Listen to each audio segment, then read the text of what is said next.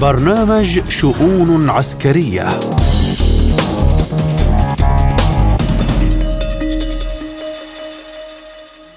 من إذاعة سبوتنيك بموسكو نرحب بكم مستمعينا الكرام أينما كنتم في حلقة جديدة من شؤون عسكرية.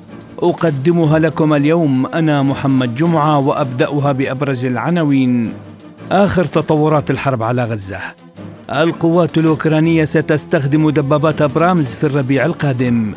القوات الأمريكية تنفذ هجوما على بعض الأهداف في محافظة بابل والعراق يعتبره انتهاكا غير مقبول لسيادته.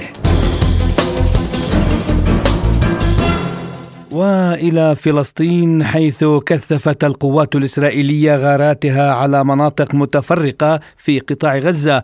واقتحامها المشافي ما أوقع عشرات القتلى والجرحى فيما أفادت مصادر فلسطينية بأن قتالا عنيفا جرى بين الفصائل الفلسطينية والجيش الإسرائيلي في جباليا وبيت لاهيا وحي الشيخ رضوان قبل ساعات من دخول وقف إطلاق النار حيز التنفيذ. اليوم صباحا دخلت الهدنة المؤقتة بين الحكومة الإسرائيلية وحركة حماس حيز التنفيذ. وستستمر أربعة أيام.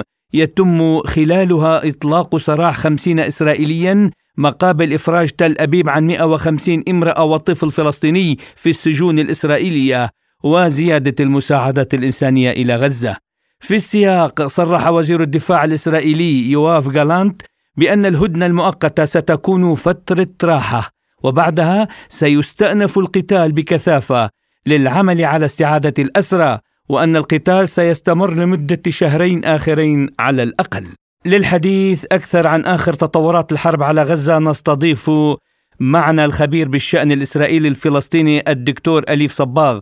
أهلا بك دكتور أليف في شؤون عسكرية. أهلا وسهلا فيك. وأبدأ معك من دخول الهدنة بين الجيش الإسرائيلي وحركة حماس حيز التنفيذ، هل هذا يمكن أن يخفف من معاناة الشعب الفلسطيني برأيك؟ وما هي احتمالية تجديد الاتفاقيه؟ نعم بدون أي شك هذا يخفف من معاناة الشعب الفلسطيني عندما يتم إدخال آه، مساعدات إنسانية وطبية وغذائية وما إلى ذلك وبالإضافة إلى يعني سيارات إسعاف و ربما مستشفيات ميدانية أيضا وطواقم أطباء وإلى آخره، هذا يساعد الإنسان الفلسطيني المشرد الذي شرد من بيته في شمال غزة آه، إلى جنوبها، يساعده بدون شك في البقاء على قيد الحياة لأن الاحتلال الإسرائيلي قوات الاحتلال قصفت كل ما هو يمكن أن يشكل مقومات للحياة، الحياة البشرية. لم تترك أي شيء لا مدرسة ولا مسجد ولا جامع ولا دكان ولا سوبر ماركت ولا شيء تركته حتى يستطيع الإنسان ان أن يعيش وهذا تحقيقا ل يعني لخطة إسرائيلية سابقة وقيلت في بدايه في قبل بداية هذه الحرب وخلال الأيام الأولى من هذه الحرب أن إسرائيل تريد أن تحول قطاع غزة إلى منطقة غير قابلة للعيش فيها. هذا بالضبط ما خططت له إسرائيل سابقا وما تحدث عنه جيورا ايلاند في في الأيام الأولى.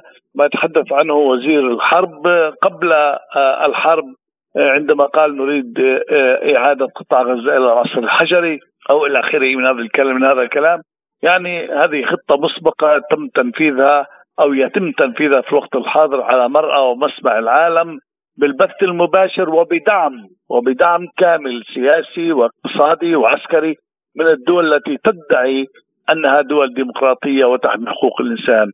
كل كذبة حقوق الإنسان التي يعني يتبجح بها الغرب وضعت على المحك، وضعت على حد السيف وقطع رأس حقوق الإنسان بهذه بهذه الحرب. نعم وبالنسبة لمقتل الصحفيين دكتور يعني هل أصبحت هذه جزء من حرب خفية ضد الصحافة؟ هي ليست حرب خفية هي حرب مفضوحة ومفتوحة يعني عندما يقتل الصحفي علنا علنا بالبث المباشر عندما تقتل صحفية مثل شيرين أبو عاقلة بالرغم من أنها تحمل الجنسية الأمريكية ولغاية الآن لا يوجد تحقيق جدي في هذا الموضوع ولا يوجد من يحاسب إسرائيل. قتل عشرات الصحفيين سابقا. في هذه الحرب قتل أكثر من 60 صحفي في قطاع غزة. لم تقم أي هيئة من الهيئات العالمية للصحافة لحماية الصحفيين أو مؤسسات حقوق الانسان بالدفاع عن الصحفي الفلسطيني. يقتل الصحفيون في الميادين وفي لبنان. بدون أدنى شك انها أنه قصد أنه قتل مقصود ومخطط له ومع ذلك لا يتحرك لا تتحرك مؤسسات حقوق الإنسان. هذه المؤسسات على ما يبدو ليست نائمه وإنما هي مجيرة لمصلحة الصهيونية العالمية. والصهيونية العالمية ليست فقط صهيونية إسرائيلية، الصهيونية العالمية تضم كل الدول الاستعمارية، الأنظمة الاستعمارية التي ترى بالإنسان العربي والإنسان الفلسطيني عقبة أمام سرقة ونهب خيرات الشرق الأوسط. نعم دكتور الآن أعلن الجيش الإسرائيلي مقتل قائد القوات البحرية التابعة لحركة حماس في غزة، هل سيكون هناك رد برأيك من قبل الحركة في ظل الهدنة التي بدأت؟ هذا الإعلان كان قبل الهدنة منذ الصباح أنا استمعت إلى هذا الإعلان وقرأت هذا الإعلان. قبل الساعة السابعة تم الإعلان عن اغتيال آه هذا القائد.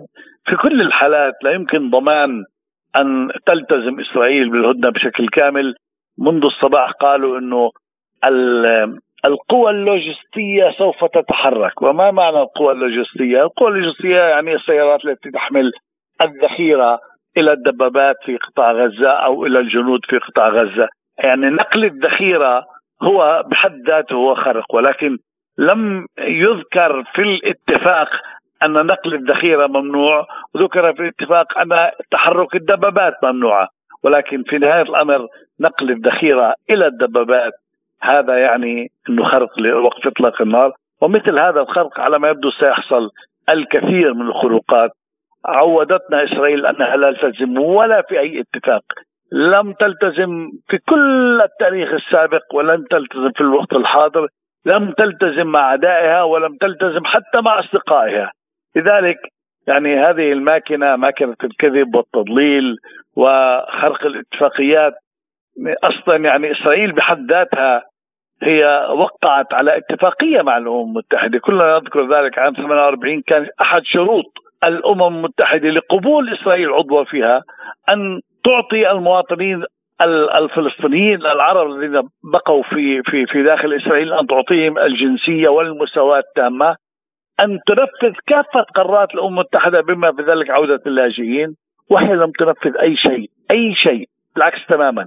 قامت بعد عام 48 بعد التوقيع بعد حصولها على على آه، عضوية الأمم المتحدة بهدم القرى التي تم تهجير أهلها في الجليل. هدمت هذه القرى وكذلك في النقب وبالتالي من يقاوم الآن في قطاع غزة من يقاتل إسرائيل في قطاع غزة هم أبناء اللاجئين هم اللاجئون وأبناء اللاجئين الذين هجروا من قراهم ومن مدنهم في منطقة الساحل يعني أشدود وعسقلان وفي منطقة آه، النقب وغرب النقب يعني منطقة بئر السبع وغرب النقب. هؤلاء يقاتلون من أجل العودة إلى قراهم وإلى مدنهم وإلى أراضيهم ومزارعهم التي بنيت فوقها هذه المستوطنات تسمى مستوطنات الغلاف.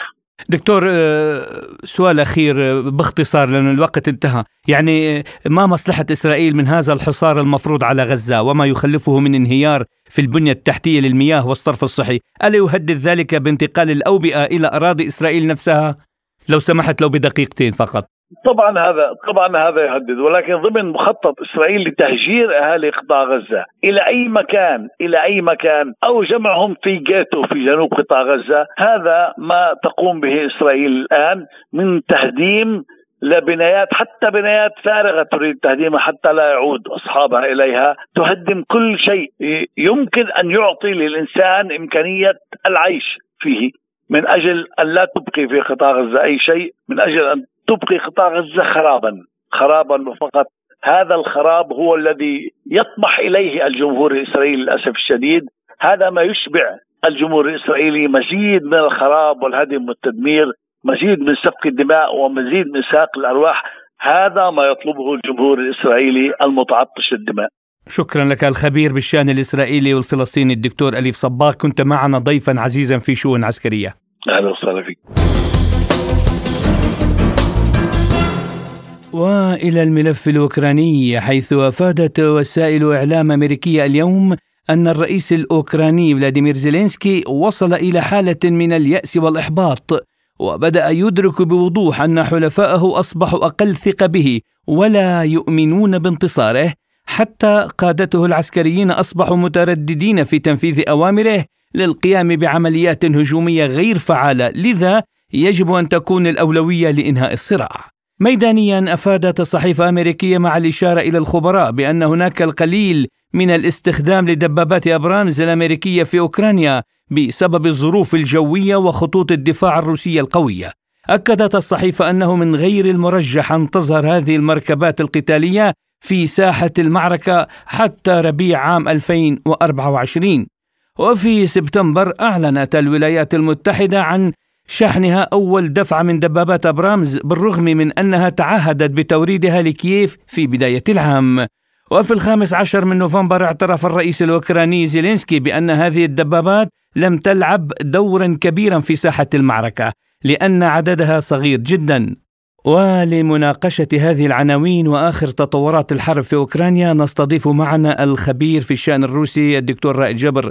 أهلا بك دكتور رائد في شؤون عسكرية. أهلا وسهلا تحياتي. وأبدأ معكم مما يقال أن أوكرانيا ستبدأ في استخدام دبابات أبرامز في ساحة المعركة في موعد لا يتجاوز الربيع، يعني هل تستطيع هذه الدبابات التأثير على مسار العملية الخاصة خاصة بحلول الربيع وعلى خلفية فشل الهجوم المضاد؟ اعتقد انها سنشأ ايراد كبيرة. لأنه قبل ذلك كان هناك وعود بانه بعض دراسه الاسلحه التي سلمت إلى أوكرانيا الغربية آه، سلمت إلى أوكرانيا. انه ستفعل يعني آه، ستحدث تغيير كبير آه، على الصعيد الميداني. لكن شهدنا أنه لم يحدث هذا التغيير ولم يحدث أي اختراقات كبرى أو تقدم كبير منذ بداية العملية أو ما يسمى الهجوم المضاد. لذلك لا أعتقد انه سيكون هناك تغيير كبير على الأرض آه، في هذه المسألة. هو النقطة الأولى، النقطة الثانية إنه أصلا هذه آه، هذه التبريرات التي قدمت لأوكرانيا هي باعداد محدودة وحتى لو زادت هذه الأعداد هي أيضا معرضة لهجمات آه، واستهداف من المضادات الخاصة بالدروع والدبابات من جانب روسيا. نعم، كيف أعلنت عن إنشاء تحالف جديد لتطوير أنظمة الدفاع الجوي الأرضية، لماذا قررت أوكرانيا التركيز على أنظمة الدفاع الجوي دكتور برأيك؟ يعني بطبيعه هذا هذا أمر طبيعي أعتقد. وكان هناك حديث سابق عن هذا الموضوع واولا هذا مواجهة يعني الطيران الحربي ولمواجهه المسيرات التي استخدمت بكثافة وبقوة في عدد من المناطق على طول الجبهات، لذلك هذا أمر طبيعي لكن إلى أي درجة سوف ينجح هذا الموضوع؟ يعني حتى الآن نحن نشهد العكس يعني ارتدادا من جانب بعض بلدان الغرب عن عن مسألة يعني مواصلة عمليات التسليح والتعاون العسكري مع كييف آه، التي كانت بسيطه في أوقات سابقة، اشهد تراجعا عن هذه المسألة أو حتى بعض التحفظات بدات تظهر لدى أطراف غربية، لذلك آه، يعني أنا أعتقد أن المشروعات المشتركة التي كان تم الإعلان عنها في وقت سابق مشتركة عسكرية ودفاعية. آه، على الاراضي الأوكرانية ربما لا يكون هناك يعني مجال لتنشيطها أو على الأقل أن تصل إلى مرحلة الإنجاز ويعني بدء الإنتاج بوقت يعني حسب التواريخ المحددة أو حسب المواعيد المحددة من جانب كييف، أعتقد انه سنشهد مماطلة في هذا الشيء خلال الفترة المقبلة. نعم، دكتور اليوم لاحظنا في تغيرات وجهات نظر أوروبا، الآن السفير البريطاني لدى الاتحاد الروسي وصف أنه من المهم جدا الحفاظ على العلاقات مع موسكو يعني ما سبب تغير خطاب عدد من السياسيين الغربيين اتجاه روسيا. اولا انه هناك يعني ما يشبه الجمود على الجبهات انه آه، لم اولا هناك جمود على الجبهات يعني لا لم ينجح الهجوم المضاد في تحقيق اختراق آه، كما قلت قبل قليل. هذا أمر آه، بالنسبة إلى الغرب. هو مقلق لأنه هذا يعني عملية استنزاف طويله الامد. النقطة الثانية انه هناك تغير في المزاج العالمي إلى حد بعيد خصوصا على خلفية الحرب المتفاقمة في الشرق الأوسط وحول غزة. شهدنا إنه هذا الضغط اولا من الجمهور الغربي يعني النزول إلى الشوارع بكثافة وعقد مقارنات بين ما يجري حول دعم إسرائيل وما يجري حيال أوكرانيا ومطالبة النخب السياسية بتحرك أقوى في الشرق الأوسط مقابل في مقابل التململ من استمرار الدعم لأوكرانيا آه الذي لا يجدي، هناك قناعة تتزايد لدى نخب اوروبيه وغربيه عموما حتى في الولايات المتحدة بعض النخب إنه آه لم يعد من المجدي مواصلة هذا الصراع. وإنه آه، عدد من يعني استغربت معطيات إنه عدد من الساسه الأوروبيين يأتون إلى كييف ليقولوا بشكل واضح إنه آن الأوان للجلوس إلى طاولة حوار إلى آه، يعني الوصول إلى محاولة لتصفية سياسية لهذا الوضع. أعتقد إنه هذه المتغيرات يعني لها علاقة بأسباب عديدة منها إنه طول أمد آه، المواجهة أيضا مزعج خصوصا بالنسبة للجانب الأوروبي. والنقطه الثانية إنه فعلا هناك تحولات واختراقات داخل المجتمع الأوروبي نفسه، وشاهدنا بلدان بأكملها يتغير فيها المزاج السياسي كما تغير مزاج الناخب فيها حيال هذا الموضوع، وأعتقد أن هذا أمر يعني بدأ يأتي بنوع من من النتائج على صعيد الوضع العام آه، في السياسات. نعم آه، يعني دائما القرارات آه، تظهر في في في في الميادين المعارك. ولذلك القوات المسلحة الأوكرانية الآن في وضع لا تحسد عليه على خلفية أنباء أن الجيش الأوكراني على وشك الانهيار بسبب ارتفاع نسبة الفرار في صفوفه آه، دكتور هل خسرت كيف الحرب مع روسيا بشكل عام برأيك؟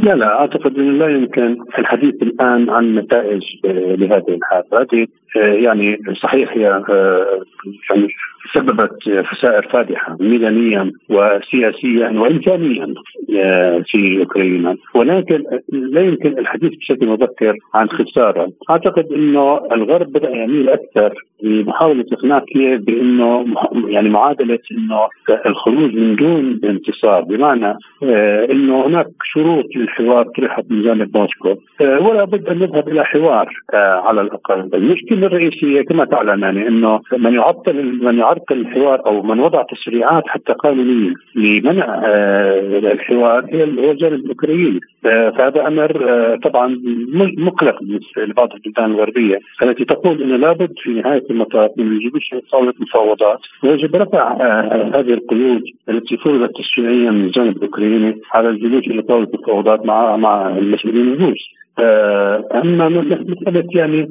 خسارة الحرب أعتقد إنه من الصعب آه، الحديث الآن عن خسارة كاملة لهذه الحرب التي لا نعرف إذا تم تجميد الصراع إلى أين سيذهب؟ آه، في المدى الزمني أقصد في المدى الزمني إنما الخسائر الكبيرة التي يعني تعرضت لها أوكرانيا هي لابد يعني أن تترك أثرها على أي طاولة حوار مستقبلية، طاولة مفاوضات مستقبلية للوصول إلى نتيجة نهائية أو اتفاق نهائي للتسويه السياسية.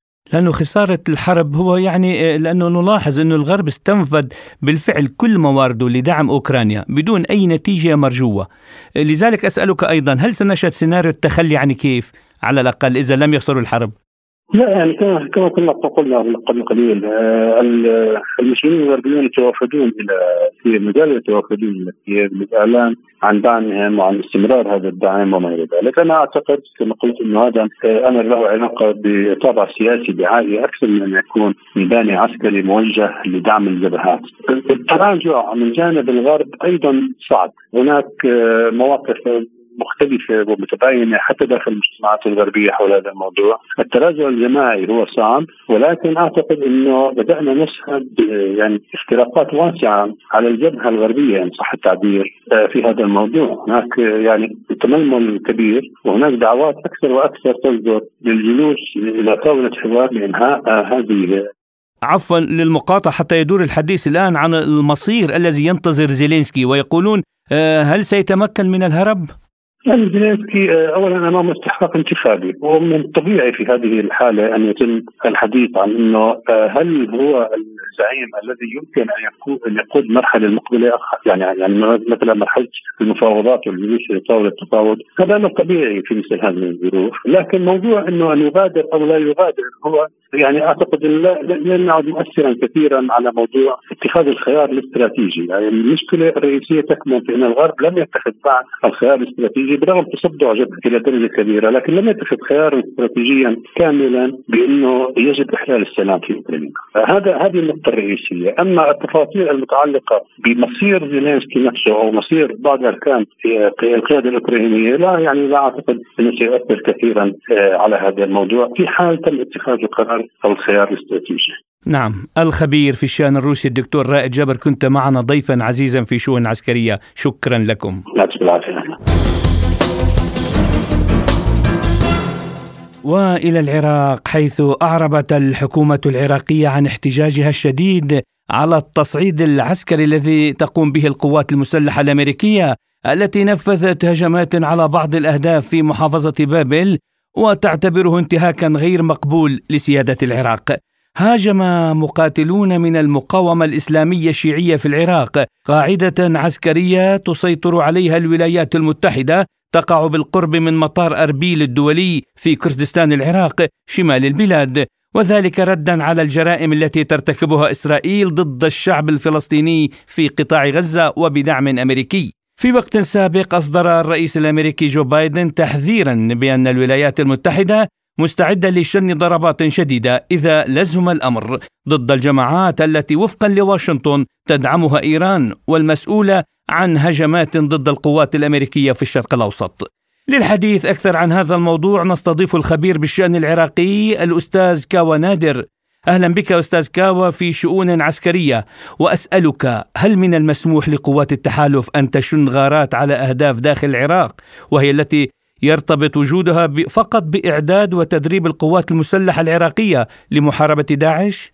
حقيقة المسألة ضرب القوات الأمريكية لداعش اسمه للداعش هذا اتفاق مع الحكومة موجودة حسب اتفاقات الحكومة العراقية ثانيا فصائل المسلحة هو الذي بدأت بهجوم على القوات الأمريكية.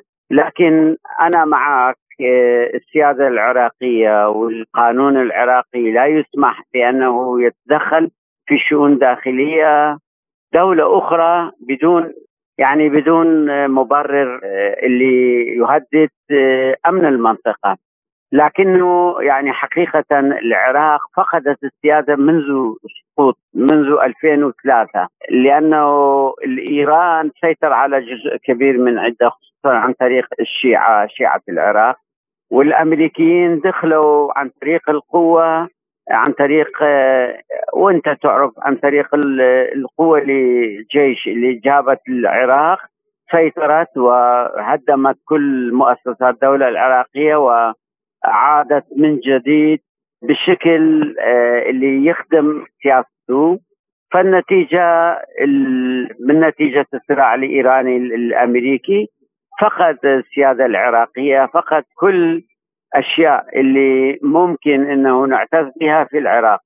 لكن يعني للأسف الشديد فصائل المسلحه أيضا لم يراعوا آه، مصالح القومية حتى البيان الأخير العراقي إذا تدقق بها اللي أول البارحة صوروه البارحة آه، أصدرها رئيس مجلس شو اسمه مجلس الوزراء آه، ذكر فيها بأنه يجب مراعاة أوضاع العراق. العراق يعتبر الهجوم الذي شنته القوات الجوية الأمريكية انتهاكا غير مقبول لسيادته، يعني ما هي الإجراءات التي ستتخذها الحكومة العراقية على خلفية هذا الهجوم؟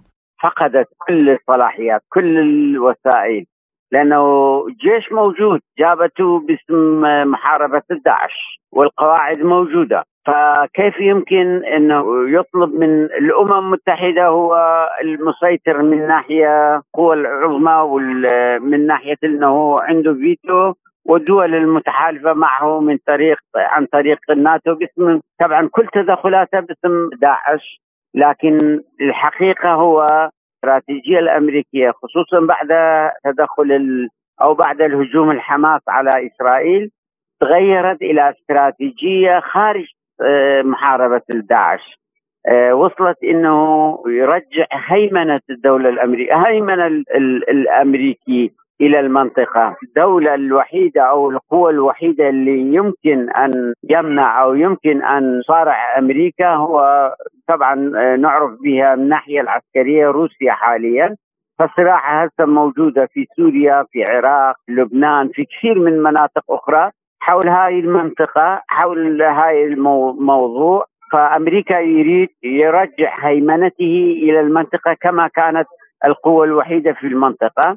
لكن آه، روسيا أكبر معقل أمامه ويحاول أن يراعي مصالحها مصالح الوطنية الروسية في المنطقة فأمريكا يرفض فاستدامات آه، يصير. لكن يجب على العراقيين يفهمون ظروفهم أو أجواء السياسية اللي يعيشون فيها، يجب أن يعرفوا إن البلد يمر في مرحلة حرجة وحساسة. ما يراعوها مثل ما قال بيان رئيس مجلس الوزراء فإن الوضع يكون خطرا ولكن هذا لا يبرر بأنه يتدخلون الدول الأجنبية والدول خارج العراق في شؤون داخلية العراقية وإلى أي مدى تقف إيران وراء استهداف القاعدة الأمريكية بالقرب من مطار أربيل برأيك أستاذ كاوا؟